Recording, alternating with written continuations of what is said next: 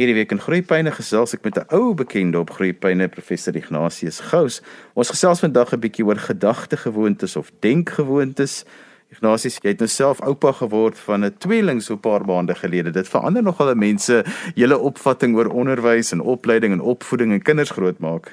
En ek kyk dit vat dit nou uit die teorie uit na die werklike praktyk toe, want jy weet hierdie oupa word was so een van daardie oorgangsgeleenthede wat vir my tot stilte en nadenke genoop het. En toe vra ek, wat is my rol om die wêreld vir hulle te help oopmaak? Want hier is hierdie twee klein kindertjies in my arms en wat moet ek nou maak? En so besef ek toe dat daar wat bemeestering van wat nodig is om die wêreld te navigeer, drie fases in my lewe was en is. Die eerste fase was my eie pad van leer. Want jy weet op skool was ek maar so bietjie 'n soekende siel en 'n nowhere child, maar op universiteit het ek toe besef, hoor hierso, ek sal moet rigting kry en fokus, anders gaan ek ook sê so sommige ouens dat my gelukkigste 3 jaar was my eerste jaar. En een rigtinggewende belewenis wat vir my uitstaan in daardie tyd, was 'n mondeling by 'n wêreldbekende professor. Nou dit was een van daardie een-op-een situasies waar ek alleen by hom in sy eh, kantoor gesit het. So ek het geweet ek sal moet verwoed voorberei vir hierdie ding. Jy weet soos wat 'n mens vir 'n 50 krieketoets is wat daar geen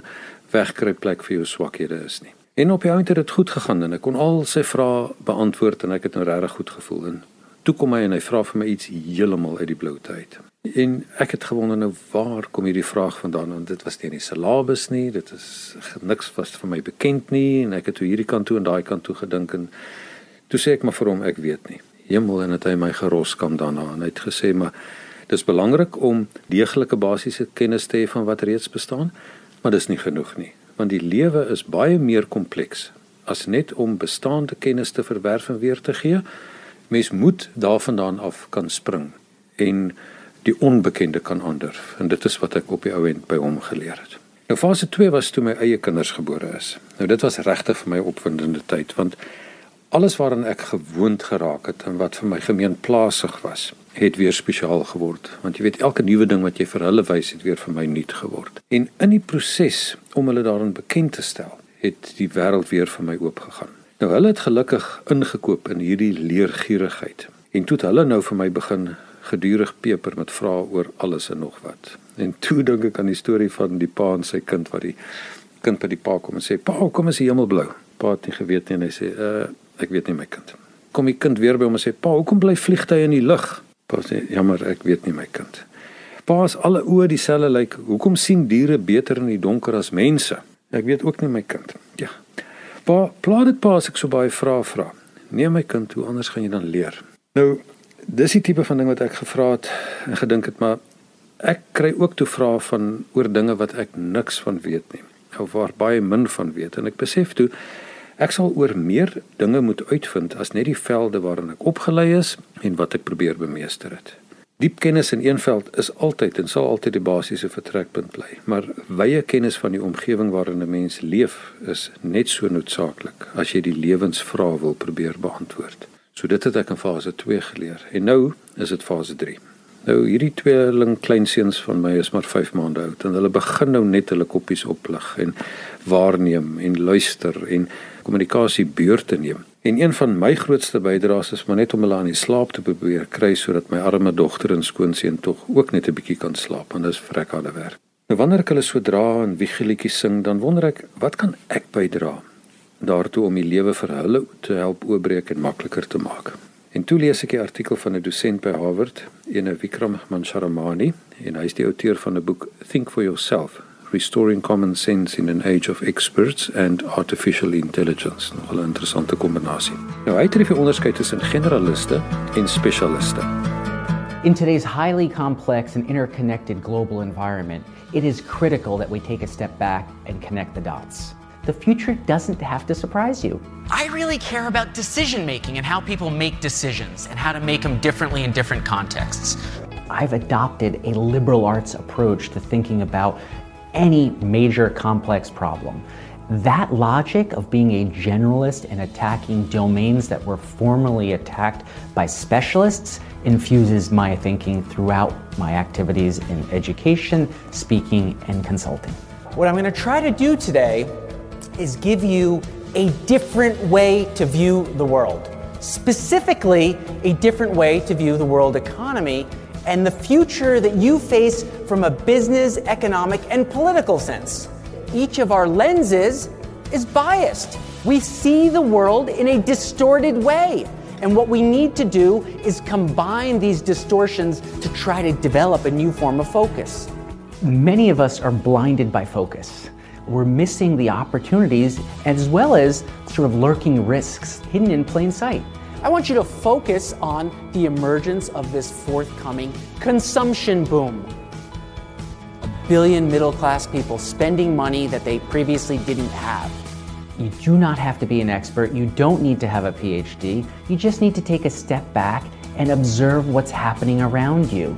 Do it mindfully and you will identify opportunities that others may miss. Verlang sê hy was dit aanvaar dat jy gaan uitstyg as jy 'n spesialis is. Jy weet 'n dokter begin as 'n algemene praktisyn en dan word hy of sy 'n spesialis en dan 'n superspesialis. 'n Regskundige spesialiseer in een aspek van die reg. 'n vakman of vrou kies een aspek waarop hulle konsentreer. 'n Besigheid verskaf een soort diens en hulle doen dit goed. Nou dis baie goed en soos ons gesien het dit lei tot vooruitgang soos ons in die wêreld kan sien. Maar hy sê ook dat as 'n mens net 'n hamer in jou hand het, dan gaan alles later vir jou so spykers lyk. En daarom moet 'n mens ook na die konteks kyk waar binne jy leef en werk en dinge met mekaar in verband stel. Spesialiste het dus volgens hom 'n diepte van kennis en genereer kolletjies, maar generaliste het breedte van kennis en hulle verbind kolletjies. En die suksesverhale van mense wat hipersuksesvol is, is almal verhale van mense wat dinge bymekaar gesit het wat voorheen nog ondenkbaar was. Een van my gunsteling voorbeelde is maar Elon Musk en hy het altyd gesê Niemand van ons dink as jy nou in 'n vliegtuig klim en jy vlieg van hier af Londen toe, dan kom jy in Londen en hulle gooi die vliegtuig weg en dan soek hulle 'n nuwe een nie. Maar hoekom doen hulle dit met vuurpyle? En dis waaruit toe die hele idee gekry het, kom ons hergebruik vuurpyle en wat mense in die begin gesê het dis onmoontlik. Nou doen hy dit. En dit is baie interessant die platform waarop sy vuurpyle die staan land is. I still love you. dit is so 'n ding. So hy het 'n uitsonderlike diep kennis van ingenieurswese, maar hy het 'n besondere breedte van kennis oor die kennis in die konteks waarbinne hierdie rocket science moet funksioneer. So ek besef toe dat die wêreld waar in hierdie twee seentjies en hulle tydgenote groot word, nogal baie verskil van die waarin ek en hulle ouers groot geword het. Die verskil is nie oor goeie basiese en diep kennis wat er, oor wat reeds uitgevind is nie, want dit sal altyd on onderhandelbaar wees. Hulle sal die bekende moet leer en bemeester deur te leer van baie wat reeds bestaan. Hulle sal ook moet leer vra vra en oordink en oorweeg van dit wat nog nie bestaan nie, soos my professor my geleer het. En dis ook nog altyd waar. Maar wat wel verander het, is die pas waarteen dinge deesdae verander. Waar dinge oor die algemeen redelik stapsgewys verander het in my tyd, veroorsaak die beskikbaarheid van kennis dat dinge nou in maande verander. En dit is hoekom groot maatskappye soos Google eerder 'n smart generalist with a general ability to be problem solvers aanstel as mense wat net in een veld kundig is en nie lateraal kan dink nie. Want die rede daarvoor is dat behoeftes so vinnig verander en dat nuwe oplossings wat 'n paar maande gelede nog nie eens bestaan het nie, nou aangespreek moet word. Nou wat is hierdie general cognitive ability wat vir hulle meer werd is as role related knowledge? En as dit ek weer ene Costa en Calix se navorsing oor habits of mind raak lees. En ons kan dit nou maar noem gedagtegewoontes of denkgewoontes. En Costa en Calix het gaan kyk watter gedagtegewoontes mense gebruik wat suksesvol is veral hulle wat suksesvol daarin is om nuwe uitdagings die hoof te bied. En uit al die baie wat beskikbaar is, het hulle 16 as die belangrikste geïdentifiseer. En dit kan julle maar self kyk en gaan opkyk, maar ek noem maar net dit so vinnig. Die eerste een is persisting of om aan te hou. Die tweede ding is striving for accuracy, naamlik om akkuraat te wees. Dan questioning and posing problems, so dis probleem verstaan. Thinking and communicating with clarity and precision, so dis om helder te kan kommunikeer dan ook hoe om impulsiwiteit te hanteer en om goed te kan luister, om kennis toe te pas en om met al jou sintuie te leer. Nog vier wat hulle noem is metakognisie, met ander om te dink oor hoe jy dink. Om buigsame denke te vertoon, om nog steeds verwondering en ontzag te hê as jy na die wêreld kyk, dat alles nie blasé vir jou lyk nie, dat jy nie blasé raak nie, om innoverend te wees. En dan sluit hulle af met 4 wat sê jy moet steeds lewenslank leer en jy moet kan spanwerk en in spanne leer. Jy moet verantwoordelike risiko's kan neem en jy moet humor hê. So dis baie interessante goeters hierdie en ek dink elkeen van hierdie van ons kan daarna gaan kyk. So what are these habits of mind? Basically, the habits of mind are a set of dispositions that describe an effective, efficacious thinker. These are the attributes and the dispositions and the inclinations of the expert problem solver, the thoughtful decision maker, the creative thinker. Um, the habits of mind are dispositions that people hold that guide their decisions in day to day life. What we would hope is that the habits of mind become like an internal compass that guide a person's decisions as they are solving problems, as they are responding to conflicts and tensions in their environment, as they encounter problems that befuddle them, uh, they are the skills and strategies that a person might use when they are confronted with problems, the answers to which are not immediately known. Maar ek het oor twee goed gewonder toe ek hulle sit lees. Die eerste is hoe kan 'n vaste gewoonte, 'n habit of mind of 'n gedagte gewoonte vir mense help om beweeglik te wees? Gaan dit jou nie dis jy's vas vang nie. Is dit is nie weersprekend nie. Die ander ding is of dit moontlik is om al hierdie 16 dinge te kan onthou en toe te pas, veral as 'n mens dit en die saak waaroor jy dink 'n gedagte moet hou. Maar so kom ek toe agter terwyl ek hieroor dink dat daar ook ander mense is wat oor sulke gedagte gewoontes nagedink het en dit geïdentifiseer het. En nou soos wat 'n mens maar het, jy weet jy daarvan sommige 4, ander sê 5, ander sê 7, ander sê 8. Byvoorbeeld die Plymouth State University sê kennisverwerwing en kennisprodusering is 'n ding dan die hele ding van probleem verstaan om dit en stapsgewys aanspreek is 'n tweede een.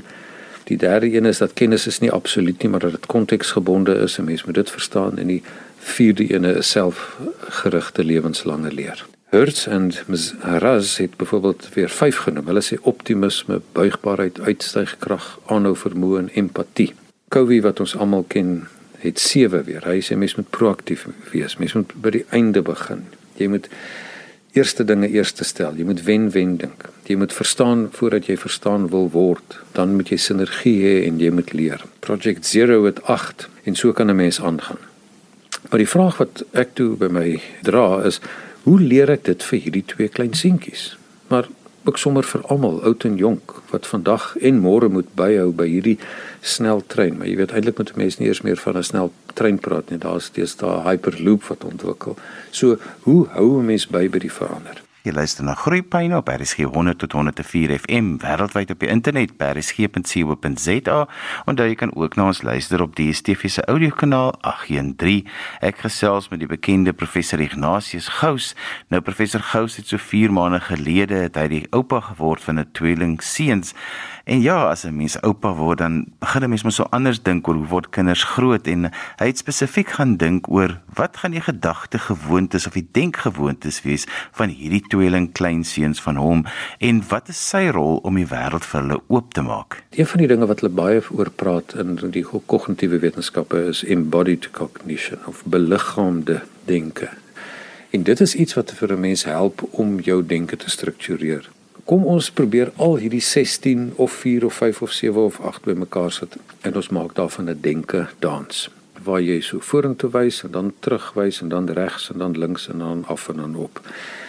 En dit kan vir ons help om ons habits of mind of gedagte gewoontes te struktureer. En die eerste ding is as jy met enige ding waarna jy kyk wat voor jou staan, 'n nuwe uitdaging, 'n probleem wat jy moet oplos, iets wat jy moet aanspreek, moet jy die eerste ding wat jy moet doen is jy moet baie stip daarna kyk. Wat is dit wat voor my lê? En dat 'n mens dit analiseer met diep denke. En uh, dit is waar mense as hulle praat van communicate with clarity and precision and questioning and posing problems and striving for accuracy, waar jy al daai tipe van goeters kan bysit, waar jy sê ek moet hierdie ding regtig verstaan. Met 'n oppervlakkige verstaan gaan my nie by antwoord kry nie. Dan die tweede ding is dan moet jy terugkyk mens moet dit in 'n konteks plaas. Jy weet, uh, hoekom is dit 'n probleem? Van wanneer af is dit 'n probleem? Wat het dit 'n probleem gemaak? Wie se probleem is dit? Hoekom het dit na vore getree? So jy moet die konteks waarbinne dit funksioneer met 'n mens kyk. So waar kom dit vandaan? Die konteks en die tydskaal. Die derde ding is jy kan regs kyk. Dan sê jy nou maar weet jy want jou regterhand as jy regs is, is dit wat jy jou gebruiksand is. Waarvoor is hierdie ding aangebied? Weet watter tipe van nut gaan dit vir my wees? Hoe gebruik 'n mens dit? Die linkerkant is weet as mens so 'n bietjie links van die regering is dat jy sê nou maar wat anders is dit wat vir my kan help om hierdie ding verstaan? Dat jy addisionele en kollaterale inligting moet jy bytrek om op ou en hierdie ding in konteks te kan sê. En dan moet jy nou afkyk en sê nou maar goed waar ek staan. Hoe gaan dit vir my help? Weet watter invloed het op my? So dit gaan oor belang, sin en betekenis want jy weet sinvolle leer is altyd 'n voorwaarde vir 'n uh, ordentlike leer. En dan moet jy opkyk en jy sê nou maar goed, die the sky is the limit. Weet wat anders hoe anders kan 'n mens dit doen? Is dit wat hier aangebied word of wat ek uitgedink het is dit goed of is dit goed genoeg? Waar mense op die ouend kom by beoordeling en evaluasie en dan as jy na in al hierdie rigtings gedoen en gekyk het en die saak goed verstaan dan kan jy nou 'n besluit neem. As dit iets is wat vir jouself is is dit wat jy kan gebruik naamlik is onmisbaar of is bloot interessant of is weglaatbaar of is dit as dit 'n probleem is is dit die oplossing wat ek het is dit uh, werkbaar of is dit iets wat ek weer moet aanpas of is dit iets wat uh, op die ouend glad nie gaan werk nie wat ek maar moet weggooi. So hierdie manier van dink help om vir jou gedagtepatrone te gee of denkgewoontes te gee wat dit gestruktureerd maak en wat op die ouend vir jou omdat jy gestruktureerd hieraan dink gee dit vir jou plooibaarheid want die vastigheid is die fondasie vir kreatiwiteit omdat dit die proses rig. So, terwyl ek dus hierdie twee tweelingseentjies ronddra om hulle aan die slaap te kry, besluit ek toe dat wanneer hulle wakker is en hoe meer hulle wakker gaan wees, gaan ek vir hulle in die derde fase van my lewe uitnooi tot die dans. Die dans van die lewe, die denke dans, waar hulle hulle denke kan belyf om rats genoeg te wees om enigiets wat na hulle kant toe kom te kan hanteer. En nou is die vraag vir jouself en vir jou kinders. Wat gaan jy doen om verandering te hanteer en om vir ander mense te leer om verandering te hanteer? En ek het vir jou 3 tipe van riglyne. Eerstens jy moet fiks wees. Ken jou veld goed en diep en deeglik. Die tweede een jy moet fiets wees ken meer as net jou veld en weet wat pas waar en wat is gepas in elke omstandigheid en konteks. En die derde ene is jy moet rats wees. Sorg dat jy die onbekende aanpak met 'n hele arsenaal van hanteringsmeganismes wat omvattend genoeg is om elke soort situasie die hoof te kan bied. Ignatius, as mense verder met jou wil gesels, hoe kan hulle met jou kontak maak?